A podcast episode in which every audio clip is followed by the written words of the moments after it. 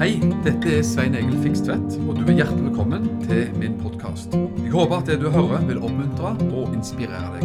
Ønsker du mer informasjon om arbeidet i drivet, så kan du gå til mission-alliance.org. Gud velsigne deg. Ja vel. Eh, jeg tenkte at jeg skulle snakke litt om å leve i Guds nærvær. Eh, det er noe som ligger meg veldig tett på hjertet, eh, og som jeg aldri blir lei av å snakke om. Eh, jeg tror kanskje jeg skal ta det fra en litt annen måte enn det jeg har pleid. Um, og så fikk jeg beskjed av Inge at jeg måtte lage tre punkter.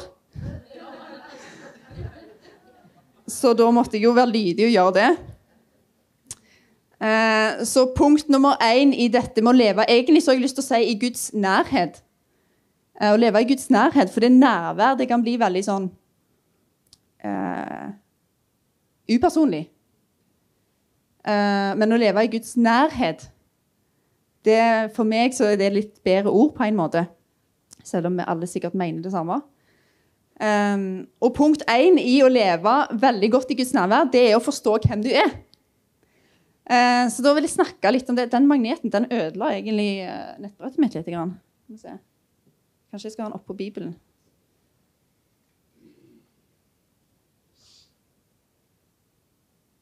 Ja, vi prøver oss. Det funker ikke, men det går greit.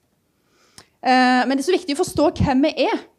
Hvis vi skal kunne nyte Guds nærhet og nærvær og samfunn med Han, eh, så er det så viktig at vi er trygge på hvem vi er i Han, hvem Han er for oss. Han er jo en veldig god Gud. Eh, og i den gamle pakten så var det jo sånn at uh, Den hellige ånd han kom over profetene og kongene. Han kunne komme over folk uh, til en viss tjeneste. og så var egentlig det nærværet som, det var litt avhengig av om de fulgte Guds vilje.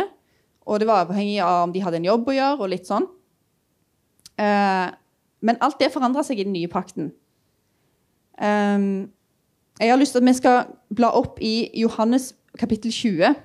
Jeg har litt bibelvers, for jeg tenkte at dette er jo undervisning. Er det ikke det? Og da, da har vi undervisning. Da har vi ikke liksom Ja, noe lett. Skal vi se Det er bra å bla litt i Bibelen, vet du. Eh, Johannes evangeliet og kapittel 20. Og så har jeg lyst til at vi skal lese fra vers eh, 19. Eh, dette er jo etter Jesus har dødd, og disiplene de har eh, møttes, og de sørger over at Jesus har dødd. Um, og så står det da fra vers 19 at om kvelden samme dag, den første dagen i uken, var dørene lukket der disiplene var samlet. Det var fordi de fryktet for jødene. Da kom Jesus midt iblant dem og sier, 'Fred være med dere'. Det er så nydelig. For det første ble de sikkert litt redd av å si at Jesus bare pop! Og så sier han bare 'peace'. Fred være med dere. Og så Da han hadde sagt dette, viste han dem sine hender og sin side, og disiplene de ble glad for å se Herren. Og så står det i vers 21.: Igjen sa Jesus til dem, fred være med dere. Du vet, Det er ikke noe vi bare sier. Eh, fred det er noe vi kan gi. Det er noe vi kan få. Det er noe vi kan ha. Og, og, Jesus sa det at når vi går inn i et hus, så skal vi si 'fred være med dette huset'. Fred være over dette huset. Det er en ting vi kan faktisk gi, og vi kan eie. Tydeligvis måtte Jesus si det to ganger. Kanskje ikke de skjønte det første gangen. Og så sier han videre.: Som far har utsendt meg, sender også jeg dere. Da han hadde sagt dette, pustet han på dem og sa, Ta imot Den hellige ånd. Dette her er nydelige vers, fordi eh, fram til dette punktet så var disiplene ikke gjenfødt. Eh, når Gud skapte Adam, så forma han opp av jorda, og så blåste han liv inn i Adam. Han blåste, pusta på han. Og så kom det liv inn i Adam. Og i syndefallet så falt, jo, falt vi jo. Vi ble, fikk en syndenatur. Gud sa at i den dagen dere spiser av dette treet, så skal dere dø. Vi døde jo ikke fysisk der og da, men vi døde åndelig. Alt det vi var skapt til å være, det døde med Adam i hans fall. Adam og Eva. Eh, og når Jesus da kommer her og blåser på disiplene igjen, så blåser han liv inn i dem igjen. Og restaurerer dem til det de egentlig opprinnelig var tenkt å være. Og jeg er så glad for det at når Jesus eh, døde for oss, så var han, han så oss som en vel verdt eh, ting å redde. Vi var vel verdt den prisen. Gud er ikke en dårlig businessmann. Gud er ikke sånn at han gjør dårlige dealer. Det er ingen som kjøper en bil for en høyere pris enn det bilen er verdt. Og hva var det da Gud så i oss som gjorde at han var villig til å gi hele livet sitt? Det er ikke det at vi er en holdt på å si, stakkars syndere. Selvfølgelig vi er syndere før vi kjenner Jesus, men vi er ikke syndere lenger med det. Paulus skriver til disiplene, eller I brevene så skriver han jeg hilser alle de hellige. Tenk hvis vi eh, hilste på hverandre på sånn måte hver gang. Du som er hellig i, i Kristus. Hvordan hadde det forandra måten vi tenkte på? Vi har så lett for å liksom grave oss ned, og så skal vi kanskje være litt ydmyke. og så, 'Å ja, nei, du vet, jeg er bare en stakkars synder.' Og vi er jo ikke det. Vi har ikke den naturen lenger. Bibelen sier det at det gamle er forbi, og alt har blitt nytt, står det i 2. Korinterbrev eh, 5 og 17, hvis noen har lyst på det så står det der om noen er i Kristus, så er han en ny skapning. Det gamle er forbi, og alt har blitt nytt. Vi er restaurert til det som egentlig var tenkt å være. Så når Jesus døde for oss, så så han det potensialet at hvordan kommer de til å leve med meg på innsida? Når de ligner på faren sin. Når de ligner på sin himmelske far. Når de har, når de har guddommelig DNA i seg. Så har ikke vi lenger en natur som ønsker å synde. Vi har ikke lenger en natur som ønsker å, å gjøre disse feilene. Men så lenge vi tror at vi er syndere, så lenge vi tror at eh, jeg er en sånn tikkende syndebombe som liksom bare går rundt og, og prøver ikke liksom synd Da kommer du til å synde, da. Det du fokuserer inn på, det skjer jo.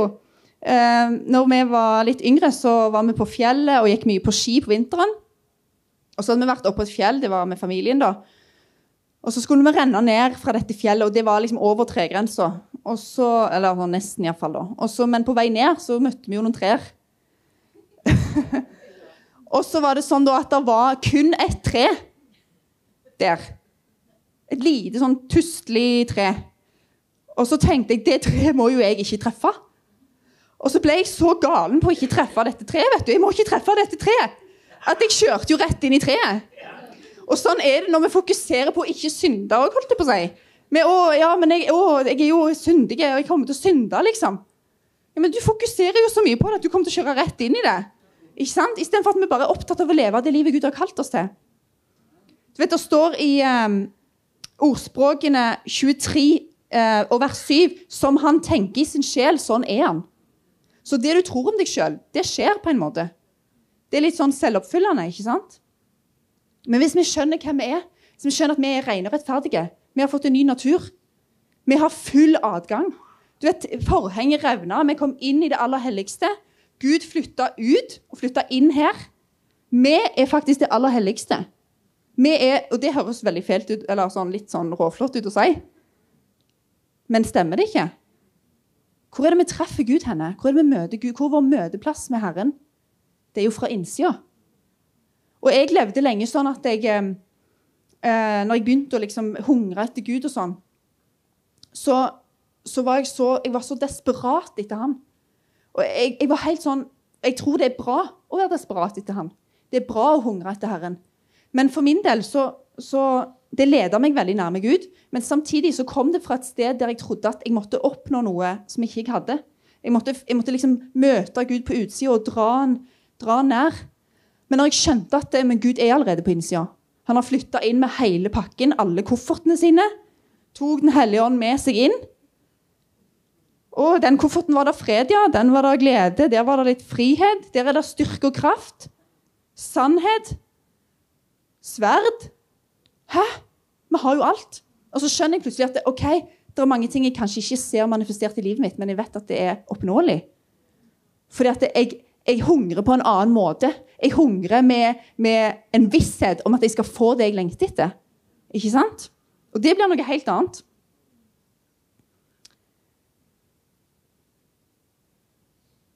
Jeg hadde en gang et um, syn. Um, der Da hadde jeg vært eh, og besøkt en menighet som lærte meg litt med å høre, høre fra Gud. liksom, For jeg var veldig sånn der eh, Jeg var så sulten etter Gud, og så, og så sa jeg alltid til Gud sånn Gud, du vet at jeg er treg i oppfattelsen. Jeg trenger det med teskjeer. Du må mate meg med teskjeer. Liksom. Du vet hvor treg jeg er. Jeg var livredd for å gå glipp av å høre, høre hva Gud hadde å si til meg. Og så, så ble det veldig sånn strevsomt, da. Men så, så, plutselig så skjønte jeg at det, det, er ikke så strevsomt. For Jesus han sa at mine får høre min røst. Så enkelt. Og så kan vi selvfølgelig lære oss å høre hans stemme bedre. Jo mer vi vandrer med han, jo mer lettere er det å høre hans stemme. Men så, hvert fall så lå jeg på gulvet, da, så, så prøvde jeg liksom å ha litt sånn fellesskap med Gud. da. Og så viste Gud meg et eh, bilde, eller hva jeg skal kalle det, syn, der eh, jeg var i en kjempefin hage med Gud, eller med Jesus. Det var knall, den fineste parken du kan tenke deg. Og så var det ei elv der, og så var det en svær, sånn gammeldags bros, eller sånn, ja, steinbro. Og så gikk vi over der, meg og Jesus, da. Og så mens meg og Jesus gikk over der, så kommer det plutselig springende en hel haug med unger til Jesus. Og de hopper opp på Jesus, og de klatrer på han, og liksom alle slåss med å komme nærmest Jesus. Og så uten at noe blir sagt, så skjønner jeg bare at disse ungene de har gjort veldig mye galt i livet sitt. De har vært veldig rampete. Og Jesus har snakka med dem om det. Og de vet at Jesus vet det, men allikevel var de så frimodige. Og de, ingen, de eide ingen skam. Og så sier Jesus til meg, Sara disse ungene vet at jeg vet alt de har gjort. Det er sånn jeg vil at du skal komme til meg. Uansett om hvor mange ganger du føler du måtte falle eller gjøre feil. så sa han vi er familie, sa han. Og det, har bare, det, det løste meg faktisk fra fordømmelse. fordi det er veldig typisk det når vi faller. Så graver vi oss ned, ikke sant? Men igjen, vi må ikke fokusere på alt det der. For dette Johannes, I første Johannes brev er det greit jeg bare slenger ut noen sånne bibelvers? Uh, I første Johannes brev um, Vi ser om jeg har skrevet det ned, eller om jeg skal bare finne det. Jeg kan bare finne det. Uh, så snakker Johannes om dette her. Og i kapittel um,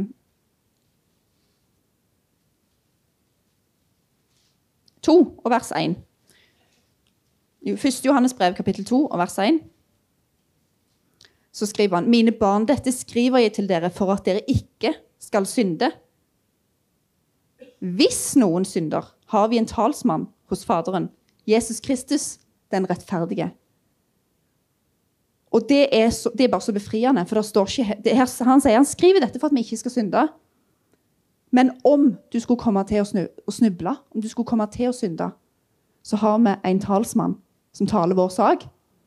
Er ikke det en fin befrielse? At vi er ikke synd som bare venter på å skje. Vi er ikke en tikkende syndebombe som går rundt. Vi er satt i frihet. Vi er rettferdige. Vi har hans natur. Og det er ingenting vi heller vil enn å leve rent for han. Det er ingenting vi heller vil enn å vandre på hans sine veier og, og kjenne han. Og Det er bare så nydelig. Ja, ja, hvis du skulle falle. Ikke når. Hvis. Hvis du faller. Det er så nydelig så må vi ikke drive med sånn selvstraffing. Og så må vi bare huske det bildet at vi kommer fri og rettferdige foran Han, som disse ungene som kommer springende. Og så Du vet, den eneste som driver med fordømmelse, det er djevelen. Gud han peker på ting i livet vårt, ja, det gjør han. Men jeg har alltid opplevd det at når Gud peker på ting i livet, i livet mitt, så, um, så får jeg kraft omvendt meg. Og så kan jeg gå fort videre. Men Gud vil ikke at du skal bli hengende med alle feilene dine. Vil at du skal gå videre. For det, det definerer ikke hvem du er. Du vet, du vet, eh, Fordømmelse og skam sier at du er synd. At du er feilene dine. Men du er ikke feilene dine. Amen. Så Det er så viktig å vite det at Gud er en god far. Og at vi er rene og rettferdige for han. Han har gjort oss til sitt tempel. Han har flytta inn med hele sin fylde. Han er ikke en onkel som kommer på besøk. Men han har flytta inn. Han er der permanent. Og når vi kjenner han, så kjenner vi at han kommer opp fra innsida. Han er ikke på utsida og kommer på besøk, og så går han. Men han bor, han har tatt bolig i våre hjerter. Det er sånn en god sannhet. 1. Eh, Johannes brev, kapittel 2, vers 1. Mm. Eh, så har jeg lyst til å snakke litt om Dette er liksom punkt nummer to, da, hvis vi kan kalle det. Eh, det personlige livet vårt med Gud. Nå har vi snakka litt om vår identitet. Og så har jeg lyst til å snakke litt om vårt personlige liv med Gud.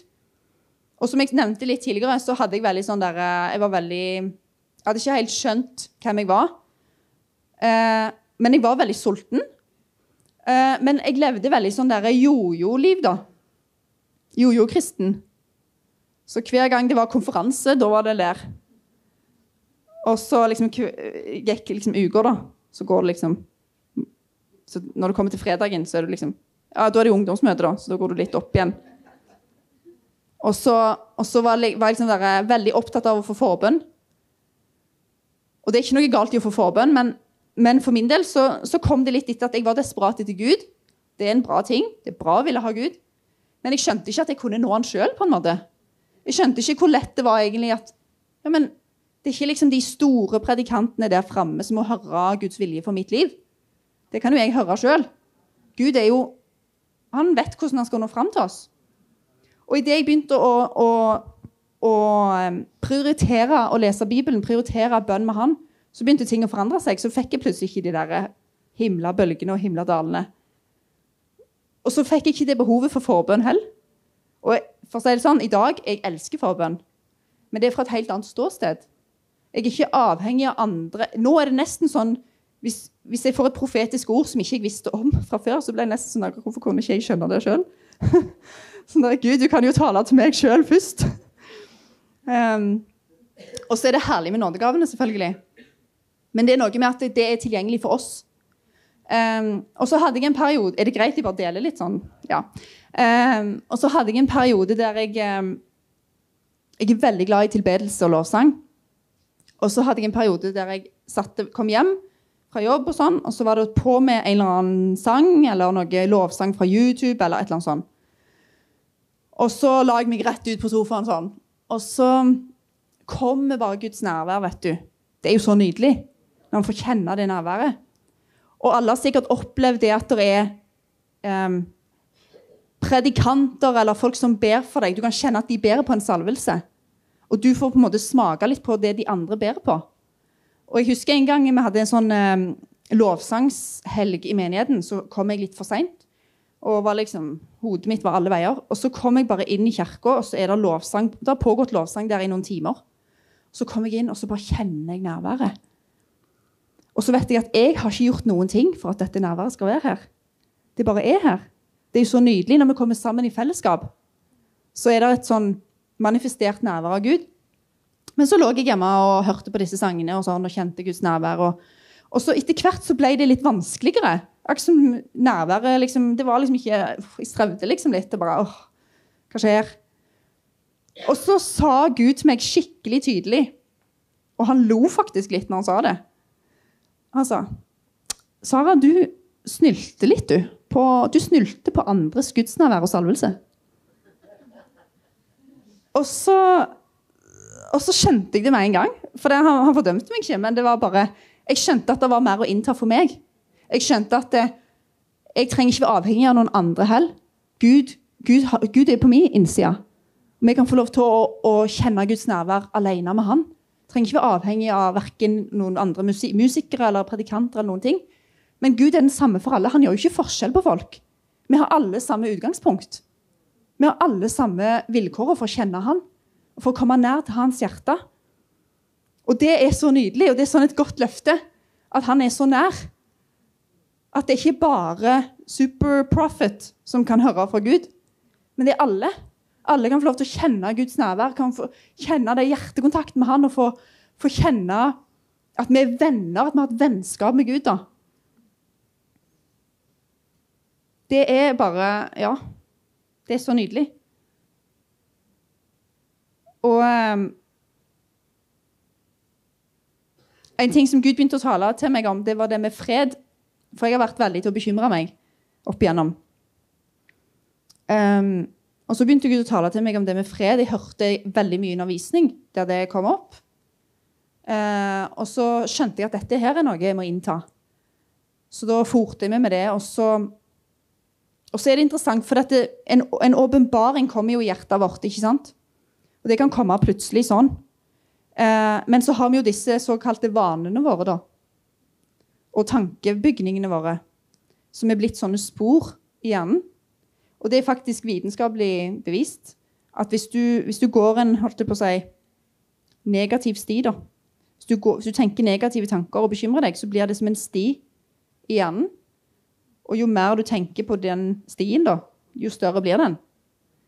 Eh, men så snakker jo Bibelen om å rive ned tankebygninger og festningsverk. Bibelen skjønner det jo lenge før vi skjønner det. Og så står det noen vers som jeg liker veldig godt i Romerne 12 og vers 2. Jeg skal ikke slå det opp, men jeg skal bare lese det. For det står Bli ikke likedanna med denne verden, men bli forvandla ved fornyelsen av deres sinn, så dere kan prøve hva som er Guds gode, velbehagelige og fullkomne vilje. For noen nydelige vers. Og det er bare sånn, Vi har så lett for å ta inn, da, sånn som jeg får bruke mitt eksempel, med bekymring. Det er veldig, det er veldig verdens tankegang å bekymre seg. Veldig, veldig typisk vanlig verden. Uh, men vi skal ikke bli forma lik verden. Altså, det vil si å begynne å se ut som verden. På innsida og på utsida. Men det står at vi skal fornyes. Fornye våre sinn. Og det tror jeg er så viktig når Gud taler til hjertene våre om en eller annen åpenbaring. Hele livet vårt dreier seg jo om en vandring med Han. Um, og det, det, går i prosesser, og Gud lærer oss, og han gir oss jo aldri opp, heldigvis. Du vet, Jeg, jeg hørte på en fyr som sa det at det, eh, Den hellige ånd ville ikke ha jobben med å fikse deg, så han drepte deg. Og så bare fødte han deg på ny, med ny natur. Og så nå lærer han deg å leve det nye livet. Eh, og det er det han lærer oss. Han er jo vår veileder og vår hjelper. Og så så kan han lære oss å fornye sinnet vårt. da. Så, så, det jeg begynte å gjøre, det var at jeg begynte å, å Hver gang jeg bekymra meg, så ba jeg til Gud. Eh, Gud, jeg vet at ditt ord sier at jeg ikke skal bekymre meg. Du er jo fredsfyrsten. Hvis fredsfyrsten, eller the prince of peace, som står på engelsk, bor i meg, hvordan skal jeg kunne frykte da? Og så skal vi ikke heller leve i fornektelse og liksom la, la, la, nei, jeg frykter ikke, for det står i Bibelen. Men jeg erkjenner at det er en forskjell på mitt liv og Guds ord. Og så forandrer jeg meg etter Guds ord. Og så sier jeg bare, Gud, kom med din fred. Åndens frukt er bl.a. fred. Ikke sant? Og han bor i hjertene våre. Han er så nær. Og så etter hvert så blir det lettere og lettere for meg. da. Så nå er faktisk min første reaksjon det er å gå til Gud. Og det er veldig deilig. Og så er det noen ganger der der jeg plutselig bekymrer meg igjen. Men så er det så deilig å bare Gud, nei, kom, jeg trenger deg nå. Jeg trenger din fred nå, Herre. Og så kom han.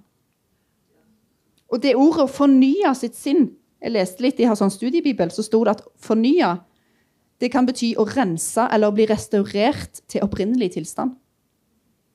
Vi er allerede satt inn i vår opprinnelige tilstand med Han. For vi har en guddommelig natur. Vi har Guds natur. ikke det er fantastisk? Helt nydelig. Og så står det da disse ordene i Johannes 10. Sauene følger han, for de kjenner stemmen hans. Men en fremmed stemme vil de slett ikke følge, for de vil flykte fra ham, for de kjenner ikke stemmen til den fremmede. Så enkelt. Sauene følger han, Jesus, fordi vi kjenner stemmen hans. Og så kan vi bli så tra travle, da, og i hvert fall vi som er litt yngre. Vi blir pepra med ting på telefonen, musikk, det er bråk overalt. Men det der med å sette av den tida til han, og stilne alle de der stemmene, alt det støyet Så vi kan venne oss til å høre hans stemme og hans ledelse, for den pleier ikke å skrike gjennom alt, egentlig, så veldig ofte. Den er ofte veldig var, iallfall hos meg. Så er han til og med sånn at jeg kan fort overse han. men å lære å kjenne hans stemme. Og så står det her men en fremmed stemme vil de ikke følge. Slett ikke følge. For de kjenner ikke den stemmen. Og hvem er den fremmede? Det er djevelen. Så vi kan høre hans stemme òg. Men den følger vi ikke. Det er en fremmed stemme. Og det tror jeg er så viktig at vi lærer å, å avfeie den stemmen der, og ikke lytte til den, ikke gi den oppmerksomhet. Vi hører på hans stemme. Og så vil, tror jeg En av Den hellige ånds oppgaver er å bryte løgntanker og avsløre løgn som vi har trodd på. Som djevelen har fôra oss. Og så, djevelen kommer og bare serverer oss masse rar mat, og så bare vil vi egentlig ikke ha det, men så spiser vi det av en eller annen grunn. Istedenfor å bare si nei, det der vil ikke jeg ha. Kjenner ikke den avsenderen. Bli godt kjent med han. Eh, kan vi dra til andre Mosebok og kapittel 33?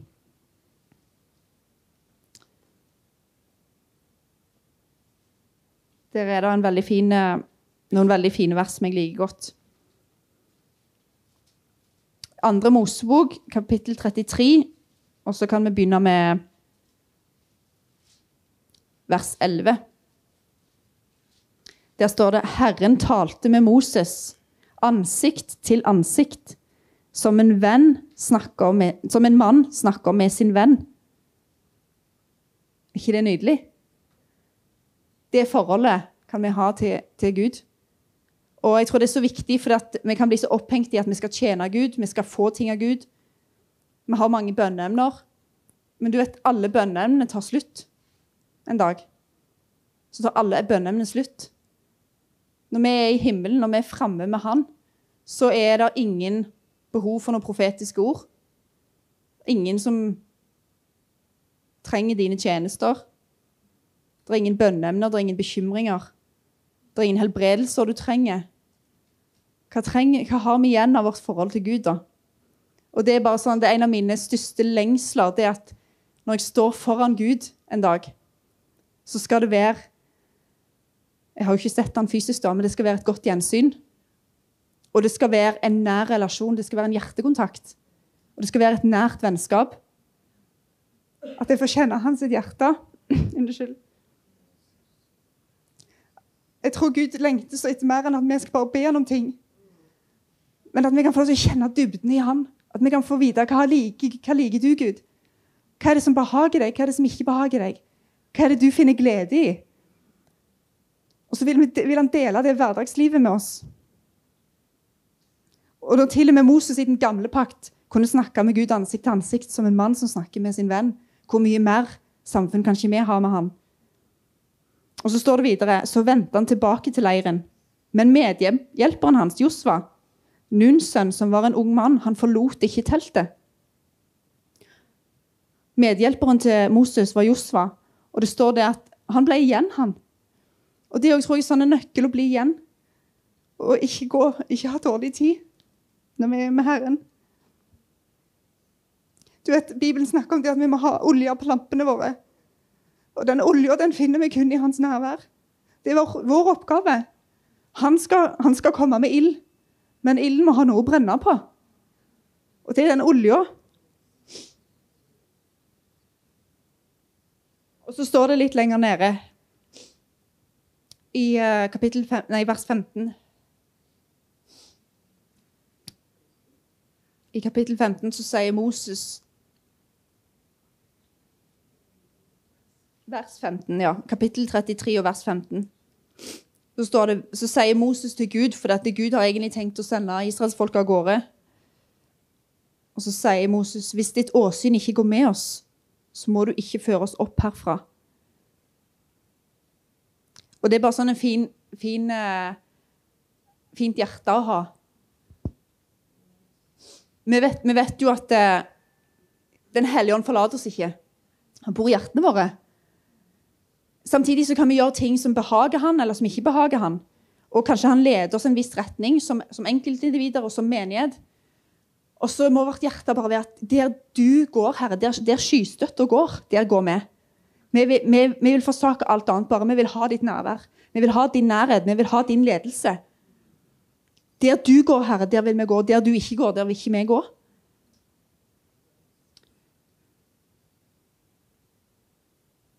Og så punkt tre, da.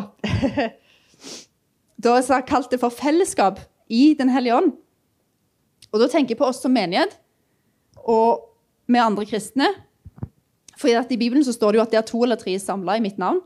Der er han midt iblant oss. Og vi har snakka litt om det med at eh, Den hellige ånd er boende i oss. Og han er alltid der. Men vi har vel alle òg opplevd at Den hellige ånd kan komme, manifestere seg iblant oss. Når vi ble døpt i Den hellige ånd, så fikk vi manifestasjon av Den hellige ånd. Vi begynte å tale i tunger. Mange av oss iallfall. Og vi kan kjenne i en, møte, i en fellesskapssetting òg at Den hellige ånd kommer over oss, virker iblant oss. Og det er så nydelig å ha det der aspektet der. Så, så Den hellige ånd er alltid i oss. Men når vi, når vi ber, sånn som vi har bedt her i dag, at Hellige ånd kom, så er ikke det det at vi trygler han til å komme fordi han ikke er her. Men det er jo en invitasjon til at han skal få råderett. Til at han skal få lov til å gjøre sin vilje. Til at vi er sultne. Til at vi kommer klare på møtet. Og når vi lever det der intime, nære forholdet til han, så er det ikke snakk om å, å på en måte koble av eller koble på. Jeg vet ikke om dere har hørt det. Jeg har i hvert fall hørt mange snakke om jeg må koble på. Og skjønner hva de mener, men vi er aldri, vi er aldri ment å koble av. Ikke sant? Men tenk så herlig da når vi alle, alle, sammen vi lever tett med Herren. Vi går hjemme ikke sant? og vi ber i tunger, og vi har Gud med oss hele dagen. og vi hører han tale til oss. Så kommer vi på møte, og så så trenger vi liksom ikke tre sanger for å komme inn i seget, for vi er jo allerede der. Vi er allerede inne, ikke sant? For vi lever derfra. Og Det er der vi er kalt å leve. Og så kommer vi sammen, da. Og så er det så viktig tror jeg, at vi kommer med en forventning og en hunger til hva Gud vil gjøre. Det er så veldig fort at ting vi gjør hver uke Nå er det ny menighet, og da er det ekstra spennende. ikke sant? Men når vi kommer her uke ut og uke inn, holdt jeg på å si, veldig fort å falle inn i en rutine. Og at ja, vi vet hva som kommer til å skje. Nå blir det tre sanger, og så skjer det, og så skjer det. Men at, at vi lar det være rom for Den hellige ånd, at vi kommer med sultne hjerter. At Gud, jeg vet at det er mer. Det er mer for oss å innta. Det er helbredelser å få. Det er frihet å få. Det er kunnskapsord å få. Det er nådegaver som skal virke iblant oss. Det, altså, å komme inn i Guds rike det er jo som et stort, åpent legetøys, legeland. holdt jeg på å si. Du kan plukke opp og du kan prøve forskjellige nådegaver og du kan utfolde deg. Og så sitter vi og liksom plasker med beina i liksom sånn halvlunka vann og tror at det er flott, men vi kan jo stupe uti. Vi kan stupe uti med hele kroppen, holdt jeg på å si. Så kommer vi klare på møtet, og så kommer vi med en forventning. Og jeg, jeg vet ikke om dere har opplevd det, men jeg, jeg har opplevd at Gud kan komme. Han er alltid i oss. Og han kan komme i et møte, og så kan han komme på en måte på visse steder. Jeg vet ikke om noen har opplevd det. Men jeg har opplevd et møte jeg var på. Eh, og det gikk veldig mot slutten. Og sånn. Og det var egentlig litt sånn, de fleste var egentlig ferdige. Men så var det ei lita Det var liksom to, tre, fire stykker borti hjørnet, og de var så klikka desperat etter Gud. Og de ba der, og, og, med en gang jeg kom bort, så kjente jeg bare nærværet. Det var der folka var sultne. der de, så Helligånd kan manifestere seg lokalt på visse steder. Og det lengter vi òg etter at han skal gjøre iblant oss. ikke sant? At det skal være frihet her. At det skal være masse som skjer. At folk blir satt i frihet. Det står jo at det, i Apostlenes gjerninger 17 og vers 28 For i ham er det vi lever og beveger oss og er til. Det er i han. Og så kan vi komme sammen her uka ut og uka inn, holdt det på å si. Og så står det Jeg bare slenger ut noen vers nå, for jeg gidder ikke slå de opp. Eh, I Efeserbrevet kapittel 5, vers 18-19, så står det Bli ikke fulle av vin, for det fører bare til utskeielser. Men bli fulgt av Ånden, slik at dere taler til hverandre med salmer, lovsanger og åndelige viser, og synger og spiller i deres hjerter for Herren. Så står det noe videre om at vi alltid priser Han. Vi gir alltid Han takk. Det skjer når vi kommer sammen, ikke sant? Og det der med å bli fylt av Ånden, det er ikke en engangsting.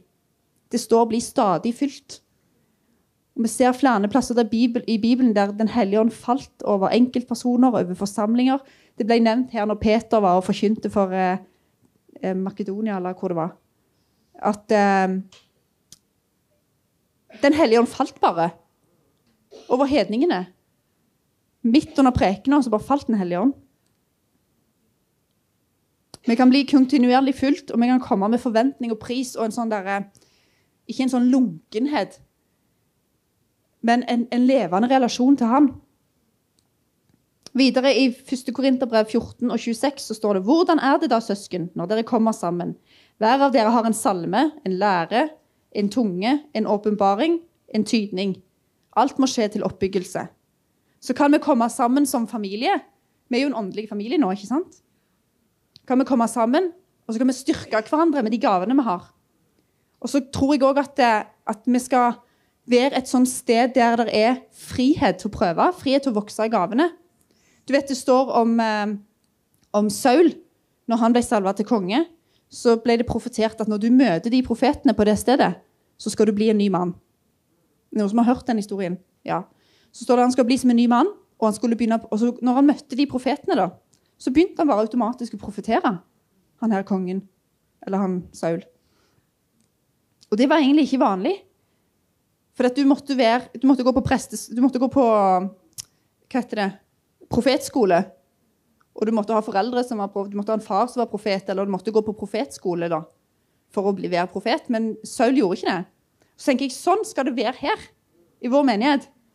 At det skal være så lett å, å, få tak i gavene. Det skal være så lett å kjenne at den Herren taler til oss. Det skal være så lett å vokse i gavene.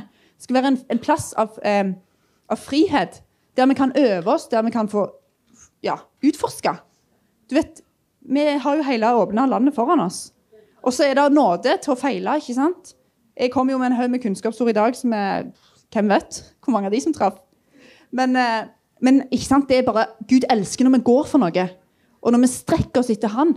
Og tenker at i vårt fellesskap også er det en ypperlig anledning til å gjøre det. Be Herren om å gi deg et ord til noen når du kommer på møte. Og så kan du øve deg da i å gi et profetisk ord, eller legg hendene på noen som du ser har en sykdom eller en plage. eller et eller annet. Og så kan vi vokse på den måten, og så backer vi hverandre og, og, og, bygger hverandre opp. Vi trenger hverandre òg. Vi trenger Den hellige ånd i hjertene våre individuelt, og så trenger vi den når Den hellige ånd beveger seg iblant oss òg. Vi trenger alt. Jeg tror at dette stedet skal være en sånn plass. Det er lett å bruke gavene sine. Og du vet, det er veldig sånn Det er veldig gøy, for dette står eh, 'Søk de åndelige gavene med iver'. Hva betyr det? Det betyr at du skal søke de åndelige gavene, men kan det bety at men du får de ikke? Det betyr jo ikke det. Du vet, du kan, du kan søke de med iver. Du kan, ja, du kan søke de. Og så, Jeg opplevde sjøl at jeg begynte å søke det profetiske, blant annet. Og det var sånn jeg tenkte, det var så fjernt og stort, og det, det kan ikke jeg holde på med. Så tenkte jeg jo, hvorfor ikke? Skal jeg prøve? liksom. Søkte det med iver. Jeg har dumma meg ut så mange ganger at dere aner det ikke. Jeg har sagt kjempemye rart i ydmykhet, selvfølgelig. Jeg sier ikke akkurat så sier Herren at du skal flytte til Afrika, men, eh, men, eh, men ikke sant? vi vokser. Og vi, vi må faktisk eh, vi må faktisk dø fra oss sjøl og våge å se litt dumme ut. Og så kan vi søke gavene. Og jeg hadde en interessant opplevelse som jeg har bare lyst til å dele. for det Ofte så setter vi oss sjøl i Vi setter noen stengsler for oss sjøl, da. For jeg har egentlig aldri likt Eller det var feil å si. Jeg har aldri sjøl ønska å virke i gaven til å tyde tunger. Aldri ønska det. Og egentlig aldri søkt det heller, selvfølgelig. da. Og så var jeg på det der seminaret med han Martin Rehn vet du, i Misjonskirka. Og så kom det et uh, budskap i tunger, og ingen tydning. Og så jeg satt egentlig og tenkte at ja, jeg skal ikke prøve å få noen tydning. Uh, for det er jeg ikke interessert i. Og så um, Og så tenkte jeg det, da. Jeg gidder ikke få noen tydning. Jeg gidder ikke prøve engang. Og jeg har aldri fått det heller, så det, det, er ikke noe jeg trenger å prøve. Men så, så omvendte jeg meg litt. Så tenkte jeg det står du skal søke de åndelige gavene. Og hvis jeg tror at alt er tilgjengelig, hvorfor skal jeg ikke prøve? Jo, så var jeg litt mer åpen, da. Og så sa jeg ja, OK, Gud. Hva sier du for noe, liksom?